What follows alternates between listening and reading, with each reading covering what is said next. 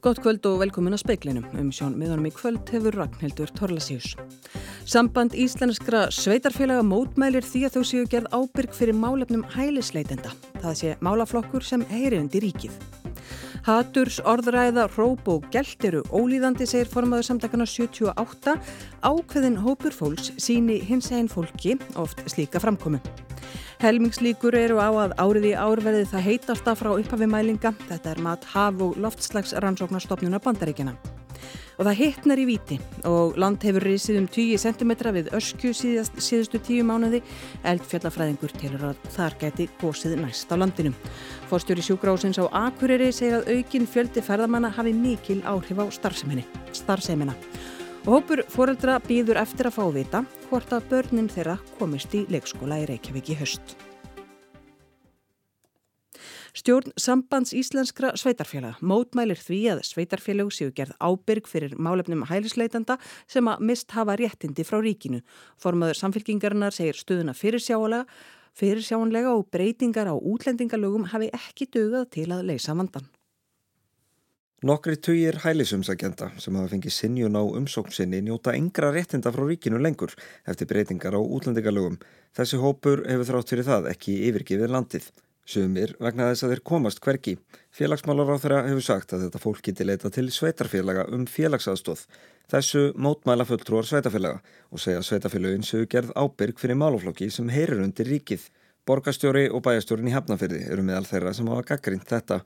Kristrún Frostadóttir, formaður samfélkingarinnar, segir þessa stöðu fyrirsjáanlega.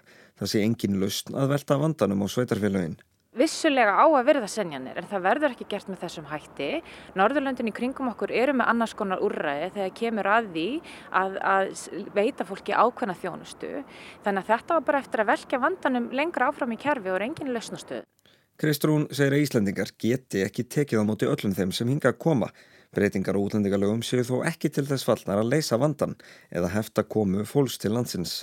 Þetta er enn annar þáttur en það sem við skerum okkur úr frá nágrannlöndum okkar. Annars verður hvernig við tökum við einum stórum hópi fólks og hins verður hvernig við sinnum þeim sem að hafa ekki lotið sinjunum. Og þetta er auðvitað ekki réttmætt stjórn í þessum málaflokki. Saði Kristrún Frostadóttir, Alexander Kristjánsson tók saman. Vísindamenn við haf- og loftslags rannsóknastofnun bandaríkjana, NOAA, telja helmingslíkur á því að árið í ár verði það heitasta á jörðinni frá því að mælingar hófust. Eins og staðinni núna stefnir allt í það. Síðustu mánuði hefur ímislegt gengið á. Skemst er að minnast ofsaflóða í Noregi og hörmungana á Hawaii. Annað fer lægra, mikil hitabilgja í hafinu og undarlega rýr hafístaða á söðurskautinu. Sara Kapnik, yfirmaður loftslagsrannsókna hjá Haf- og loftslagsrannsóknastofnun bandaríkjana, segir helmings líkur á því að áriði ár verði það heitasta frá upphafi mælinga. Í það minnsta sé kýrskýrt að það verði meðal þeirra fimm heitustu. Talið er að hitin verði enn meiri á næsta ári þegar áhrif veður fyrirbærisins El Niño koma fram að fullu. Evrópska lofslagsrannsóknastofan Kopernikus gaf það út í síðustu viku að júlimánuður sem leið væri heitasti mánuður frá upphafi mælinga. Niðurstöður bandarísku haf- og lofslagsrannsóknastofnunarinnar voru á sömu leið. Meðalhitti í júli var 1,12 gráðum yfir meðalhitta en stofnunin hefur haldið skrár yfir hitasti í 174 ár. Bill Nelson, fórstuðumadur geimvísindastofnunar bandaríkjana, segir augljóst að jörðin sé að hitna. Skilaboð móður náttúru séu skýr, grípa þurfi til aðgerða núna til að bjarga lofslæginu áður en það verð of seint. Kate Calvin, lofslagsvísindamæður hjá NASA, tók í svipaðan streng. Saði ljóst að lofslagshamfarir væru farnar að hafa áhrif á fólk og vistkerfi um heima allan. Arnhildur Halfdónadóttir saði frá. Það hefur orðið bakslag í baróttu hinsegin fólks, segir formaður samtakana 78. Á sama tíma hafi stuðningur þó aukist, hann segir haturs, orðræðu og róp og gælt vera ólíðandi og að samfélagið verði að sína samstöðu um að slík framkoma sé ekki í bóði. Verði þið vörfið bakslag í baróttunni? Já, við verðum vissulega vörfið það. Það er ákveðin hópur fólks sem að virðist vilja sína, sína andúð í okkar garð í auknumæli og meðal annars núna á í gleðigungunni í álögadaginn eins og hefur komið fram í fréttum en á sama tíma þá finnum við líka aukinn stöðning. Við finnum líka að það er fleira fólk sem að tekur þátt í gleðigöngunni. Það voru 250 mann sem gengur með samtökunum 78 og ennþá fleiri sem að náttúrulega gengur með hinnum ímsu atriðum. En hver er byrtingamyndin á þessari andúð? Það eru þessi klassísku haturstákn sem eru rituð á hins einn fána og aðra, aðra regnbóa munni. Það er verið að rýfa niður dót og kveikja í og svo síðan er gælt og rópað að fólki. Og bara eins og núna í gleðigöngunni þá var atriði Trans Íslands, þar var rópað á þau að þau ættu nú bara að vera ánað með það sem þau þó hafa sem að mér þykir afartabulegt. Saði Álfur Birkir Bjarnason, Jóhanna Vigdís Hjaltadóttir talaði við hann. Mikið álag hefur verið á sjúkrásinu og akkurir í sumar vegna aukins fjölda ferðamanna. Þorstjóri sjúkrásins segir að samtal verði að eiga sér stað um hvernig ferðarþjónust á innviðir ætlið að takast á við fjölgununa. Um 50% fleiri ferðamenn hafa komið á sjúkrahúsið á Akureyri á þessu ári en í fyrra.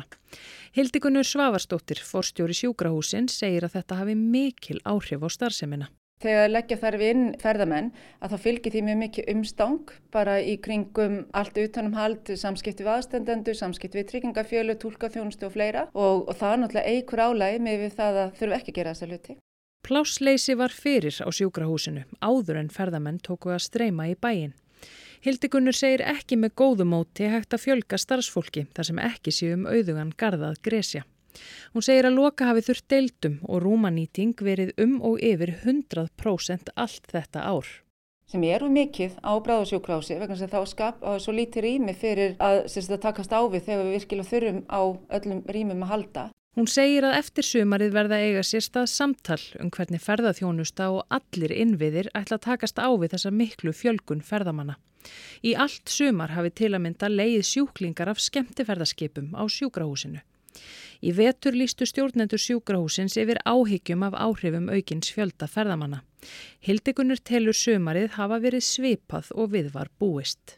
Hér er alltaf skemmtverðskip, ef ekki eitt þá tvö eða þrjú að minnstu kosti og við vitum það eiginlega innst inn í okkur að þeim er fleiri skemmtverðskip sem koma þeim er fleiri koma heimsækja okkur og það er staðrind. Saði Hildikunnur Svavarsdóttir í viðtali við Amundu Guðrúnu Bjarnadóttur, Gunnhildur Kjærúlf Birgisdóttir tók saman.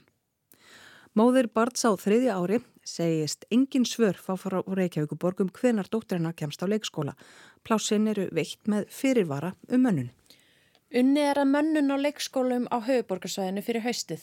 Á atvinnu auglýsingavefnum Alfreð eru hátt í 70 auglýsingar þar sem óska er eftir leikskólakennarum eða stjórnendum til starfa.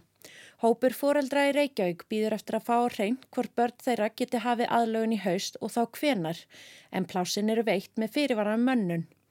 Margil þeirra lýsa reynslu sinni í Facebook-hópnum leikskólamál í Lamasessi í Reykjavík. Dæmi er um að börn á þriði ári býði, enn eftir plási. Dóttir Telmulindar Ólafsdóttur er 27 mánuða. Henni var lofa plási í Dalskóla í Úlfarsaldal í lók júni. Enn er ekkert fast í hendi. Í pósti frá leikskólastjóra Dalskóla sem sendur var fóreldrum aðan kemur fram að hún geti ekki gefið neinsvör um hvernig plássbjóðist í leikskólanum. Telmalinn gaggrínir upplýsingabjöf frá Reykjavíkuborg. Hún hafi getað fengið pláss á öðrum leikskóla en ekki tekið því þar sem hún gerði ráð fyrir að komast inn í Dalskóla í haust. Leikskóla yfirvöld segja að umsækjandur um störfi í leikskólanum séu ekki nóg hæfir og gangi því ekki nóg vel að manna hann. Hjördisröld Sigurjónsdóttir, upplýsingafulltrúi skóla og frístundasviðs Reykjavíkur, segir í samtali við frettastofu að ekki sé komin full yfir sín yfir mönnun og leikskólum fyrir haustið. Vonir standið til að reyfing verði á ráðningum í ágúst. Ráðningar standa enn yfir. Ingi Björg Sara Guðmundsdóttir tók saman. COVID hefur greinst í auknum mælu undanfarnar vikur eftir því sem að framkemur á við landlækningsembættisins. Tilvíkin er um 30 sem er væg aukning frá því fyrir sumar en talsvært færri tilvíkan í vetur. Bendir á að margir nót einungis heimapróf til greiningar svo að þessar tölur gef ekki rétta mynd af hildarfjölda smita. Starsfólk landsbítala og helsugjæslu telli þó að innlögum og veikum utan spítala hafi fjölgað. Á meginlandi Evrópu hefur tilkynningum líka fjölgað eitthvað og sömu sögu má segja um Breitland og Bandaríkin.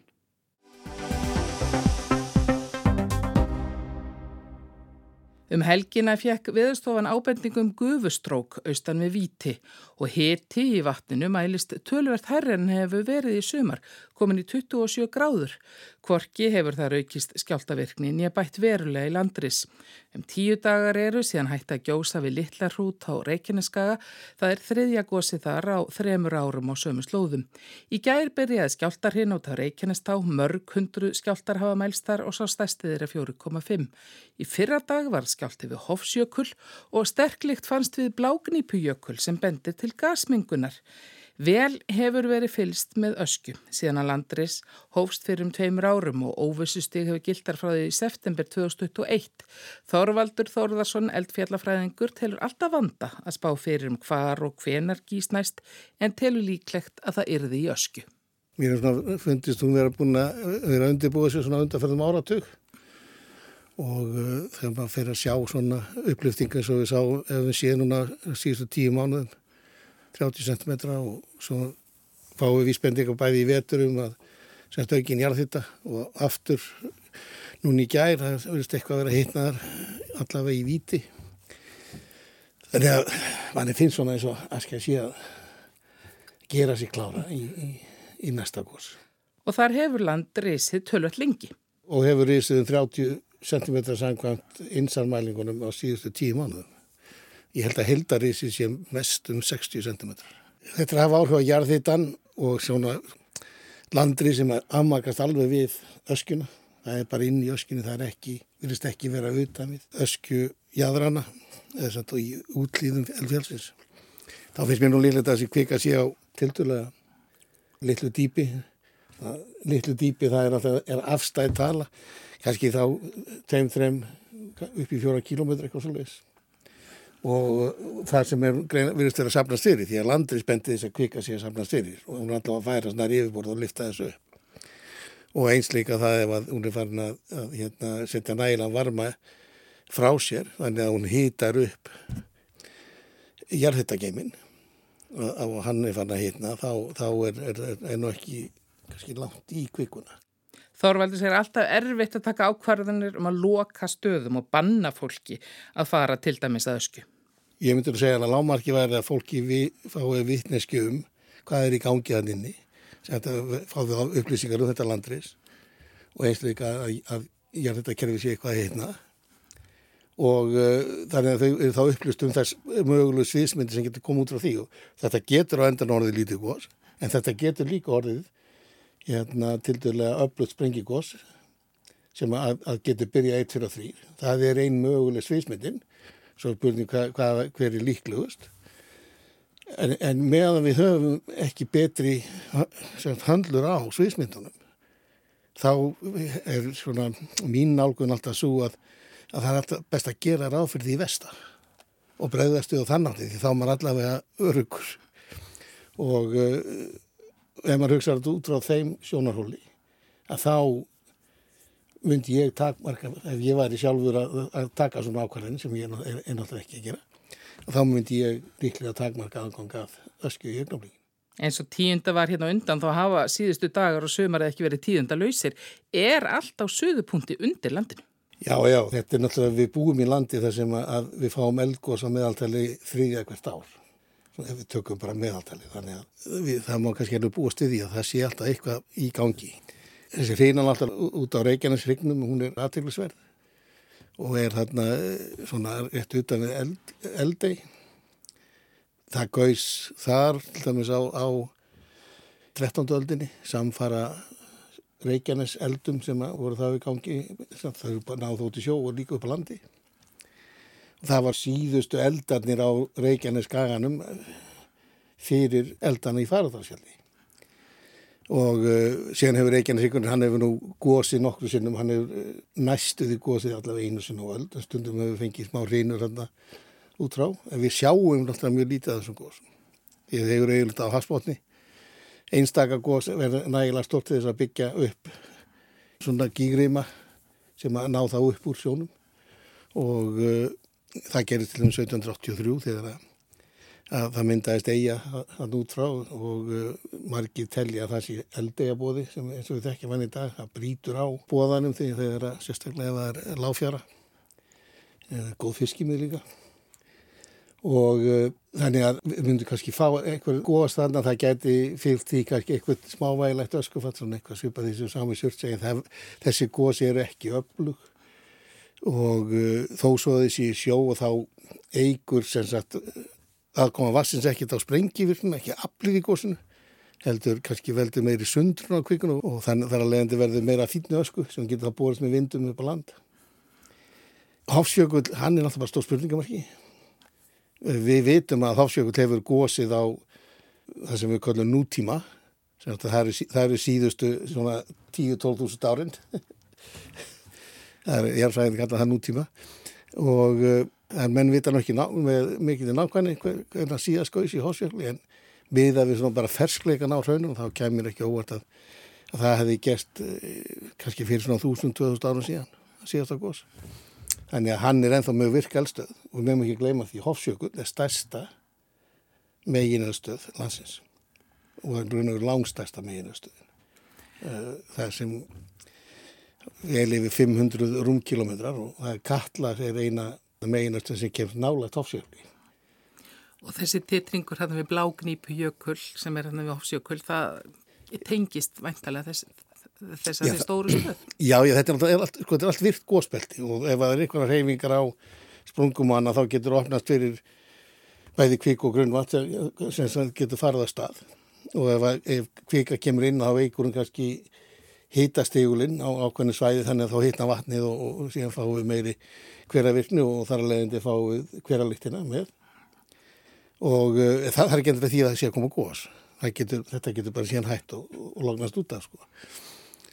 en þetta er allt virt svæði þannig við, það ætti ekki að koma okkur á óvart þó að, að, að, að svona hluti gerist og fáum skjáltarhinnur á ákveðinu stöðum jafnvel aukna kvíkuvirkni, jafnvel aukna, aukna, jarðhittavirkni og þetta er bara hluti af, af því að búa á glötu skilum. Þorvaldur telur að við séum kannski orðin svolítið værukær, en það óvenju heppin með áhrif á góðsum að byggð bólunda farin ára og ára tíu. Ég held að verðum að hugsa líka um það að, að við getum fengið miklu, miklu starri góðs og við verðum að vera undir þau búin. Þegar við erum með nokkur eldfjöld sem er, getur verið alltaf skæð, hvað þetta var þar, það er til dæmis Askja og Örafajökull og Snæfisjökull sem er ekkert að fara að gera neitt, en, en ef, ef hann fyrir að stað þá getur hann verið alltaf skæður að þessu leitinu til líka. Og öll þessi eldfjöld geta búið til það sem við köllum svona ríólit sprengigós eða, eða klínískós. Þeim fylgir oft gjósku hlaup, réttur hefur gjósku flóð og gustlaup. Og það eru bara eldski sem að fara með jörðina og með ógnarhafa og það, það, það leipur engin undan þeim þegar eru, þetta eru nokkur hundru metrar á sekundu sem þetta ferðast með og, og, og hérna svo er það hitt í þessu og yfirlega ekkert súrefni. Þannig að ef þú lendir í einhver slíku þá er er ekki spurt að leyslokum. Saði Þorvaldur Þóruðarsson, Anna Kristín Jónsdóttir talaði við hann og hér var að byrjast ný frétt um ösku. Megnan Brennisteinstef leggur upp af ösku, þetta segir Helgi Eli Háldanásson, flugmaður hjá Mýflugi, hann flög yfir ösku í útsýningsflugi í dag og Þorvaldur Þóruðarsson, altfjallafræðingur, saði í samtalegu fyrir þetta stofu. Þetta séu nýtíðindi, það verður rætt við Helga Eli í sjómasfrettum klukkan 7.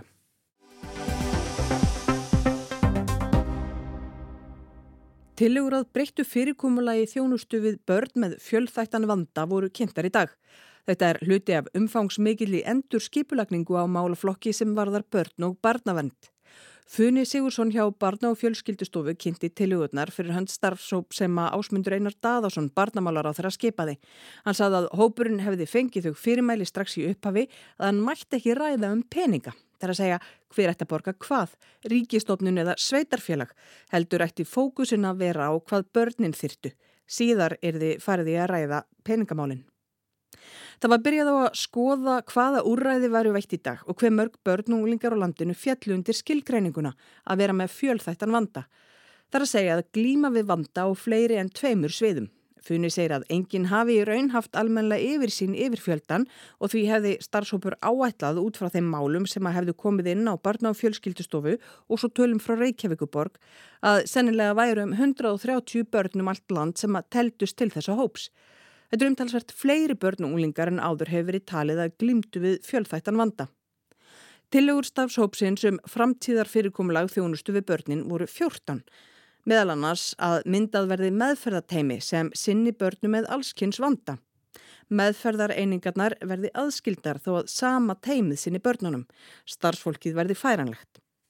Þetta séu til dæmis meðferðareining fyrir börn með alvarlegan vímuefnavanda, meðferðareining fyrir börn með alvarlegan geðrannanvanda, móttaka í bráðatilvikum fyrir börn með alvarlega geð eða hegðunarvanda.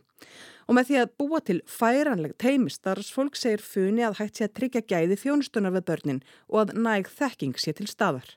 Og það er fleira lagt til að sérhæfð af eitrunardeild verði færið frá landsbítalanum á stuðla.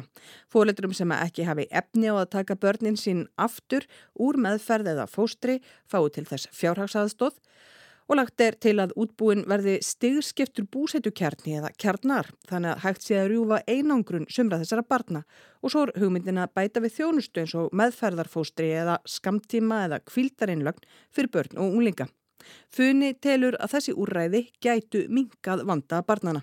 Fyrir að fyrsta myndu við náttúrulega bara bæta þjónustu alveg svakalega við þennan hóp og ég held að með tíð og tíma getum við líka dreyið úr vanda þar sem að myndu þá fækka í þessum hóp. Svo eru náttúrulega hægran á áhrifin fyrir því óbera ef við aðgreinum ekki ríki og sveitafélag þarna að þá er þau alltaf gríðaleg, uh, tala um yfir miljard. Starfshópurinn tilur sem sagt að það sé ekki bara hægt að bæta þjónustuna, heldur líka draga úr kostnaði. Arnar Haraldsson hjá HL Háráðgjöf sem veitir sveitarfélögum ráðgjöfum ímis rekstratengt mál og stjórnsíslu kynnti fjárhagslið þessara tillagna. Til að meta kostnaðin var meðal annars rætt við Reykjavíkuborg og spurt hvaða þurfi marga starfsmenn fyrir hvert barn með mikla þjónustuþörf. Þannig hafi í grófum dráttum kostnaðurinn verið metin fyrir hvert úrræði. Rekstrakostnaðurinn við úrræðin í held er metin á bylunu 3,6 til 4,6 miljardar króna á ári sem eru miklir peningar en samt minna en nú er kostað til málaflokksins. Kostnaður sveitarfélagana er nú á bylunu 5 til 6 miljardar króna. Þessi miklu munur skýrir staðsögn Arnars af því að þjónustuþörfin hjá börnunum getur verið svo mismikil. Sama barnið getur þurft gríðarmikla þjónustu á einhverjum tímum en svo miklu minni einn á milli. Það er dýrst og óhagkvæmt fyrir sveitarfélag svo ekki sé minnst á nokkur hundru manna sveitarfélag að halda út í þannig þjónustu.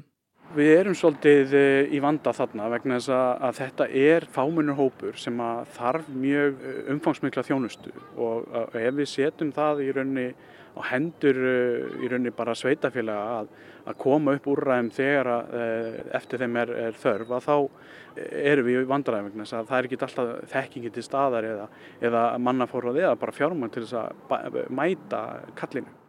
Arnar segist vita um dæmi þess að sveitarfélag hafi þurft að greiða hátt hlutfall síns raðstöfunarfjár í málaflokkin vegna fára barna. En fyrir utan kostnaf er vonast til þess að þjónustan við börnin verði betri og að tilugurnar geti bætt bæði stöðu aðstandenda og starfsfolks við að aðstóða börnin. Núna sé þjónustar ekki nægilega vel skipulagð fyrir svona fámennan hóp og svona viðkvæma þjónustu og með því að ná betur utanum skipulag og verklag sé hægt að nýta fjármunni umtalsvært betur en nú er gert. Takist vel til geti líka létt á kerfinu annar staðar, bygglistum og barna og unglingageðdelt svo dæmið sér tekið. Það má segja að niðurstaðan sé að hafa skipulegningu þjónustunar og framkvæmt hennar fyrst og fremst á einni hendi. Ásmundur Einar Daðarsson, menta og barnamálar á þeirra, segir að sumar þessara tilagna ættu að geta orðið að veruleika tilturlega fljótt en annað taki lengri tíma eins og til að mynda langtíma uppbygging úrræða í uh, þjónustu við börn og færa þau öll á eitt stað, færa stopnarnir á eitt stað, láta þær vinna betur saman og ég bendi því sambandi á uh, ríkulega gjöf sem að EOGT á Íslandi færði í rauninni íslenskum börnum hér á vordögum með því að gefa uh, ánafna skálatúni í Mósvöldsbæ með öllum þeim byggingum og landi sem þar er einmitt í svona hugmyndafræð og svona hugsun. En hver á þá að greiða fyrir breytingarnar? Ríki eða sveitarfélug. Það á eftir að ákveða.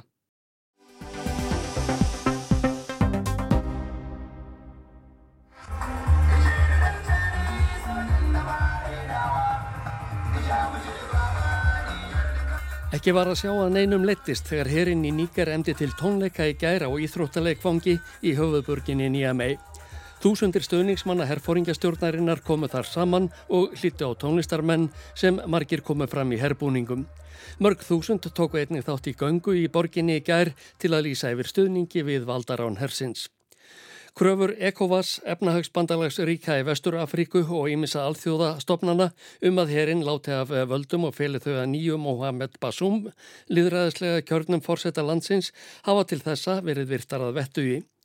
Þvertamóti tilkynnti Abadou Abramane og fyrsti talsmaður valdaræningjana í sjónvarps ávarpi í gerkvöld að forsetin er þið sótur til saka fyrir alvarleg landráð eins og það var orðað. Framkom að herfóringastjórnin hefði aflað næjanlegra sannana til að ákæra fórsetan og nánustu samstarfsmenn hans innlenda og erlenda fyrir að stopna þjóðar öryggi hættu með aðtöfnum sínum og fyrstinn gaf ekki nánari skýringar á þessum ásökunum. Basum fórseta, eiginkonu hans og síni hefur verið haldið í kallara fórseta hallarinnar í nýja mei frá því að herrin rændi völdum 27. júli.